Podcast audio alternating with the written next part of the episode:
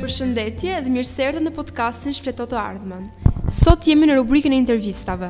Në kuadrin e temës ndikimi i sportit në shëndetin fizik dhe psikologjik të individit, do kemi një intervistë paksa ndryshe, pasi do kemi më shumë se një të ftuar. Uh, I ftuari i parë është Erand Rjoli, me 11 vite eksperiencë pune pranë gjimnazit Arif Halil Sulaj. Së pari, faleminderit që pranuat ftesën për të qenë pjesë e intervistave tona. Dhe ju? Pyetja e parë për ju është sa e rëndësishme është aparenca e jashtme për një profesor të edukimit fizik? Normalisht që është e rëndësishme, sepse mësuesi shikohet si model për nxënësin, paraqitja e jashtme e tij është gjëja e parë që shikohet, veshja apo uniforma e tij sportive, apo një trup i stërvitur mirë dhe i rregullt. Por, nuk mund të them që është çdo gjë, më e rëndësishme për mua është se sa i aftë është ai profesionalisht dhe nga mënyra se si i inkurajon nxënësit apo i motivon ata. Si mendoni, a është e dëmshme apo bën mirë për shëndetin ecja në mëngjes në një mot tepër të ftohtë? Ecja është aktiviteti fizik më i thjeshtë që kërkon një përpjekje të vogël, Moti dhe koha nuk duhet të na frenojnë për ta kryer këtë gjë. Padyshim që ecja bën mirë, qoftë në mot të ftohtë apo të ngrohtë. Duke patur parasysh përfitimet që sjell, mendoj që moti i ftohtë nuk përbën aspak problem për këtë. Atëherë jua hoqëm merakun edhe atyre që bëjnë ecje në mëngjes. Një pyetje tjetër për ju është, a mund të na rendisni disa nga përfitimet bazë që sjell të ushtruarit me aktivitet fizik? Të ushtruarit me aktivitet fizik na sjell shumë përfitime, por disa nga të cilat mund t'i përmend janë rritja e jetëgjatësisë, parandalimi i sëmundjeve jo të transmetueshme siç janë hipertensioni, sëmundjet kardiovaskulare, diabeti, depresioni, kanceri apo obeziteti. Gjithashtu përmirëson gjendjen e muskujve dhe frymëmarrjen, përmirëson dhe forcon eshtrat. Shmangia nga veset e këqija që mendoj që për moshën tuaj është shumë e rëndësishme, siç mund të jenë disa vese të moshës që janë pirja e duhanit apo qëndrimet për një kohë të gjatë nëpër telefona apo rrjete sociale, si dhe përmirëson shëndetin mendor, siç mund të jenë kujtesa apo vëmendja. Po nga mungesa e edukimit fizik, çfarë ndodh dhe cilat janë shenjat e para paralajmëruese?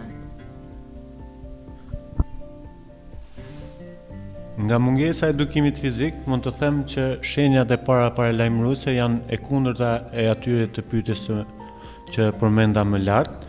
Pra, domethënë rritet rreziku i sëmundjeve fizike, kronike siç janë diabeti, obeziteti, sëmundjet kardiovaskulare, Sëmundjet mendore siç mund të jenë ankthi apo depresioni, si dhe problemet e tjera psiqike.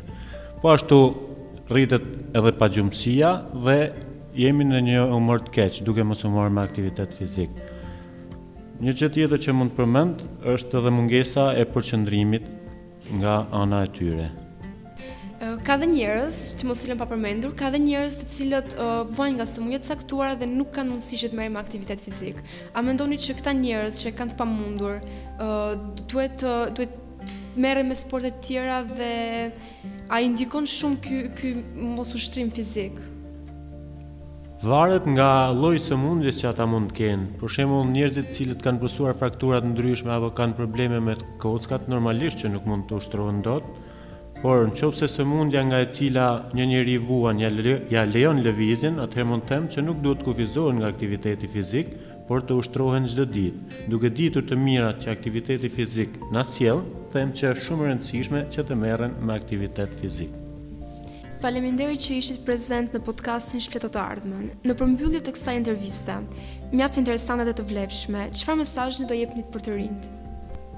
Me zhvillimin e teknologjisë, normalisht që është rritur edhe jeta sedentare, por një mesazh që kam për të rinjtë dhe jo vetëm për ata, është që të ushtrohen sa më shumë dhe gjysmën e kohës që kalojnë nëpër rrjetet sociale apo kompjuterat ta zëvendësojnë me aktivitet fizik.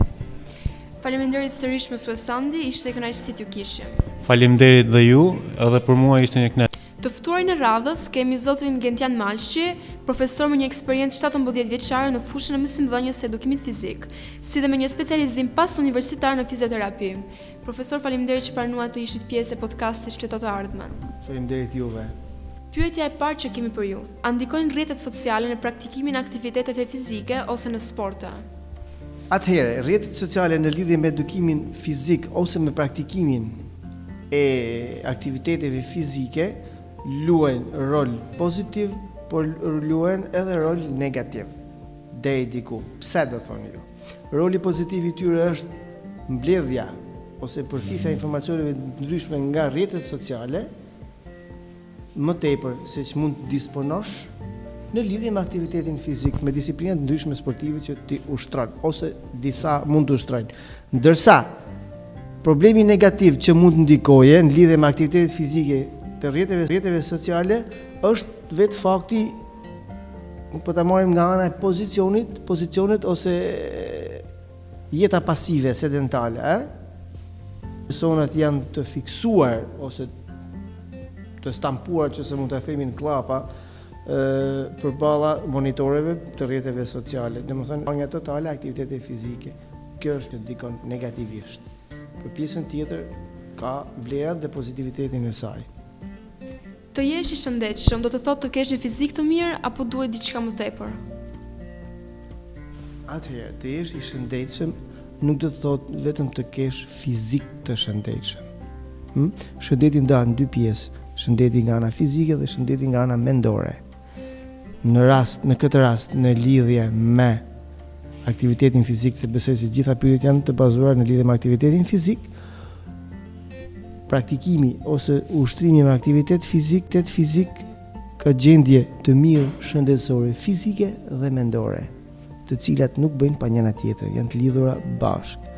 Kështu që përmbledhja është Një fizik i shëndetshëm ndikon në një mendje të shëndetshme.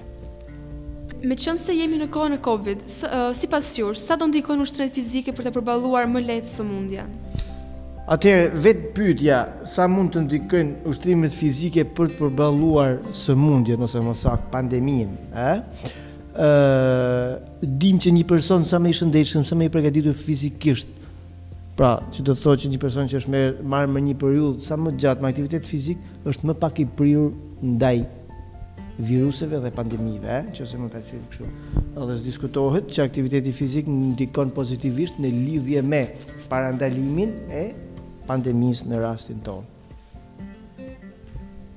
Derisa po jetojmë në kushtet e Covid nëntëmbëdhjetë, a ka qenë e vështirë për ju, mësuesit e edukimit fizik, ta zhvilloni orën e mësimit dhe si ia keni dalë mbanë?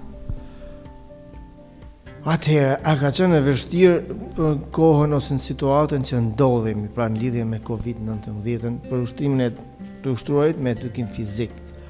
Absolutisht që Ka qenë dhe vazhdon të jetë e vështirë. Pra për vetë faktin e vënjeve të sanksioneve e të mbylljeve për nxjerrjen e disa ligjeve, pra siç janë ligjet e grumbullimeve që nuk lejohen dhe është bërë pothuajse e pamundur aktiviteti fizik jo i vështirë për t'u praktikuar. Kështu që logjikisht ka ndikuar negativisht në lidhje me edukimin fizik. Në mbyllje të kësaj interviste do dëshironim të jepnit një mesazh për dëgjuesit tanë në lidhje me raportin që duhet të kenë njerëzit me aktivitetin fizik. Atëherë, duke qenë vetë i profesionit, pra mësues i edukimit fizik, s'diskutohet se mesazhi është, do jetë dhe është në lidhje me edukimin fizik që Personat, pavarësisht moshës, duhet të merren rregullisht me aktivitet fizik dhe duhet të hiqet nga mendja, ë, ose nga ana, nga mendja, nga ana psikologjike e të menduarit që s'kam kohë të merrem me aktivitet fizik, ë. Kush e ka me pasion, kush i din vlerat ose kush don t'ia kuptojë vlerat, duhet të ushtrohet pavarësisht kohës. Shumë faleminderit për prezencën tuaj, ishte një kënaqësi t'ju kishim. Faleminderit juve, kënaqësi I ftuari i radhës është zoti Erit Gjoni, mësues i edukimit fizik me një eksperiencë prej shtatë vitesh. Së pari faleminderit që pranuat ftesën të ishit pjesë e kësaj interviste. Faleminderit dhe nga ju dhe ju përgëzoj për risinë që sillni në shkollën tonë. Shumë faleminderit. Atëherë le të nisim me intervistën. A mendoni se duke bërë sport të vazhdueshëm, do nxitet dhe dëshira e njerëzve për të fituar aftësi të ndryshme? Po, mendoj se duke bërë sport të vazhdueshëm, do nxitet dhe dëshira e njerëzve për të fituar aftësi të ndryshme, ku mund të përmendim aftësi fizike të kushtëzuara që lidhen drejtpërdrejt me punën dhe lëvizjen. Ekzistojnë katër aftësi fizike të kushtëzuara. Forca, shpejtësia, qëndrueshmëria dhe fleksibiliteti. Forca është aftësia e muskujve për të reaguar ndaj një stimuli të quajtur rezistencë. Shpejtësia është aftësia për të ekzekutuar një lëvizje shpejt. Qëndrueshmëria është aftësia për të përballuar aktivitete fizike intensive me kohëzgjatje pak a shumë të gjatë. Kurse fleksibiliteti është aftësia për të lëvizur nyjet e tuaja lehtë dhe natyrshëm. Kemi dhe aftësitë koordinuese. Janë ato që lidhen me orientimin, ekuilibrin, gatishmërinë, koordinimin e lëvizjes shqisore dhe reagimin. Të gjitha këto bashkë i përfitojmë duke bërë sport dhe aktivitet fizik. Duke bërë ushtrimet e ndryshme fizike, mendoni se kjo do të bëjë që njerëzit ta përballojnë më mirë stresin dhe lodhjen mendore nga ngarkesa e përditshme? Sigurisht që mendoj se njerëzit duke u marrë me aktivitet fizik, do ta përballojnë stresin dhe do të kenë Një shëndet mendor të mirë. Mendja dhe trupi janë shumë të lidhura me njëra tjetrën. Kur ju përmirësoni shëndetin tuaj fizik, ju automatikisht përjetoni një mirëqenie më të lartë mendore dhe emocionale. Aktiviteti fizik gjithashtu çliron endorfina, kimikate të fuqishme që rrisin humorin, humorin dhe ofrojnë energji të shtuar. Ushtrimet fizike ose aktiviteti i përditshëm ka një ndikim të madh në problemet e shëndetit mendor ose emocional, lehtësojnë stresin, përmirësojnë kujtesën dhe ndihmojnë të kesh një gjumë të rehatshëm. A është joga një lloj sporti i cili ndoshta nuk ndikon në fizikun e njeriut, por në mendjen e tij? Joga ndikon në mendjen e njeriut, gjithashtu dhe në fizikun e tij. Ajo është një formë meditimi dhe aktiviteti fizik, që ndihmon në rritjen e elasticitetit të trupit, përmirësimit të frymëmarrjes, minimizon stresin dhe ndikon pozitivisht në shëndetin fizik dhe mendor. Tipi më i përdorur i jogës është Hatha Yoga, që përfshin ushtrimet për frymëmarrjen dhe ushtrimet fizike. Këto të fundit janë më saktësisht stretching. Ndikon në hormonet duke krijuar ndjesinë e qetësisë, përqendrimi dhe humori është më i mirë, Benefitet për zemrën ndikon në uljen e presionit të gjakut dhe normalizimin e rrahjes të zemrës. Rrjedhimisht rreziku është më i ulët. Kemi dhe shumë e shumë benefite të tjera. Për të kryer gjimnastikë në mënyrë perfekte, a duhet të kemi një sallë ose mjetet e nevojshme apo mund ta kryejmë edhe në kushte shtëpie? Sigurisht që gjimnastika dhe aktivitetet fizike në mënyrë profesioniste kryhen në palestra dhe terrene të caktuara. por kjo nuk pengon askënd të ushtrohet në kushte shtëpie dhe gjej rastin të bëj një thirrje për gjithë të rinjtë dhe jo vetëm t'i kushtojnë rëndësi aktivitetit fizik qoftë dhe për disa minuta në ditë. Sipas jush, mendoni se shumica e popullsisë e duan sportin në përgjithësi apo duke qenë se jetojmë në epokën e internetit janë të prirur drejt saj? Mendoj se shumica e popullsisë e duan sportin por duke parë statistikat e këtij dhjetë vjeçarit të fundit shohim një rritje të obezitetit në popullatë. Kjo tregon që teknologjia ka ndikuar negativisht tek të gjitha moshat. Kjo nuk do të thotë që fajin kryesor për jetën sedentare e ka teknologjia. Për këtë arsye doja të jepja dhe një mesazh tjetër. Duhet të jemi ne ata që përdorim teknologjinë dhe jo teknologjia të na përdorë ne. Me këtë dua të them që duhet të përdorim në mënyrë konstruktive teknologjinë. Faleminderit nga ju. Faleminderit shumë që ishit i pranishëm në intervistën tonë. I ftuari i radhës është Kreshnik Vuthaj, profesor i edukimit fizik me një eksperiencë prej 7 vitesh mësimdhënie. Faleminderit që pranuat ftesën tonë.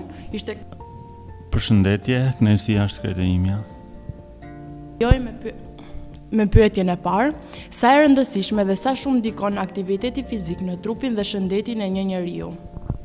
Atëherë, aktiviteti fizik është tashmë e ditur që ka shumë rëndësi dhe ndihmon për shëndet më të plotë, ka disa përfitime në shëndet si zemër më të fortë, kocka dhe nyje më të shëndetshme. Parandalimin e obezitetit, po ashtu ndihmon edhe shumë gjëra nga ana psikologjike. Jeni dakord dhe si e konceptoni moton, një mendje e shëndetshme në një trup të shëndetshëm? Atëherë, siç e preka edhe pak më lart, aktiviteti fizik ndihmon për një shëndet mental më të plotë dhe do të thotë se ne marrim dhe përfitime psikologjike. Ecja, ushtrimet fizike, aktivitetet fizike ose lojërat ndihmojnë në uljen e stresit, përballin dhe situatat e ankthit, për forcimin e kujtesës, vëmendje, shumë të tjera benefite. Kështu që rrjedhimisht jam shumë dakord me moton mendje të shëndetshme në një trup të shëndetshëm. Si një profesor i edukimit fizik, sipas jush, si e shohin nxënësit orën e fiskulturës, si një orë argëtimi apo si një kujdes për shëndetin? Nuk mendoj se e ndaj njërën nga tjetra duke qenë se punën e bëj me shumë dashamirësi. Kështu, e përfshij edhe kujdesin për shëndetin në orën e mësimit dhe argëtimin patjetër. Besoj dhe mendoj se njëra gjë vlen edhe për nxënësit. Gjatë orës së mësimit, pavarësisht nga temat që duhen trajtuar sipas planit, i flisni nxënësve për shëndetin dhe mirëmbajtjen e tij? Patjetër që ju flasim dhe japim leksione përveç praktikës në orën e fiskulturës, po ashtu dhe kurrikulën e të përfshirë kemi dhe fitness dhe shëndetin si lëndë që trajtojmë dhe flasim për e komunikojmë dhe më shumë rreth të mirave që sjell aktiviteti fizik. Përveç se shëndetit fizik do doja t'ju bëja dhe një pyetje rreth shëndetit tonë mendor. Sipas jush, a mendoni që ne nxënësit rëndohemi psikologjikisht nga mësimet dhe detyrat e tepërta? Ndonëse jam tepër dakord që janë pjesë e planit mësimor, por kjo pyetje na lind gjithmonë ne dhe ky është rasti më i mirë për ta diskutuar me ju që jeni në këto momente në rolin e mësuesit. Kjo pyetje është një pyetje që e kalojmë nga çdo brez, mendoj nganjëherë Të gjithë të ndihemi shumë të ngarkuar me detyra, por besoj ndikon shumë nga ana psikologjike e se dhe me sa dëshirë apo vullnet të mirë e nisim t'i bëjmë nëse e nisim javën duke thënë kam shumë provime detyra në një javë s'i bëjmë dot atëherë ti po e demoralizon dhe e dembelos veten dhe nuk do arrish as rezultatet e dëshiruara nga stresi apo ankthi i tepërt që ti i krijon vetes nëse ti e nis javën duke mësuar Pak nga pak sistematikisht duke mos i lenë të gjitha për ditën e fundit, po i japin edhe si një këshillë këtë. Nuk duhet, nuk mendoj se do ndiheni aq të ngarkuar. Nga ana psikologjike ka stres të mirë dhe stres të keq. Në rast ju kaloni stres të mirë në nivelin e duhur që ju juve ju duhet. Që ju ju shtyn të mësoni dhe të vini në proces punën tuaj ndaj detyrave deri në momentin që ju apo ne mësuesit nuk ju përmirësojmë më shumë seç duhet sepse nuk kemi qëllim të keq normalisht. Sa më shumë detyra dhe aktivizim ju përgatitemi për studimet e fakultative me më lehtësi pastaj. Atëherë shumë faleminderit profesor që e pranuat ftesën tonë, këshillat e tua ishin shumë të vlefshme. Uh, shumë faleminderit, ishte kënaqësi, faleminderit që më ftuat.